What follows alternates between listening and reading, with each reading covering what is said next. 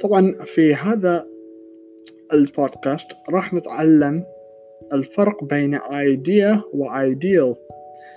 طبعا idea يعني فكرة. I have an idea. يعني عندي فكرة.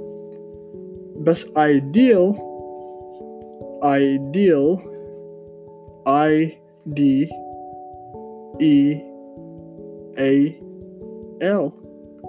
Ideal يعني مثالي مثلا I have an ideal idea ideal idea يعني فكرة مثالية This is an ideal plan هاي خطة مثالية ideal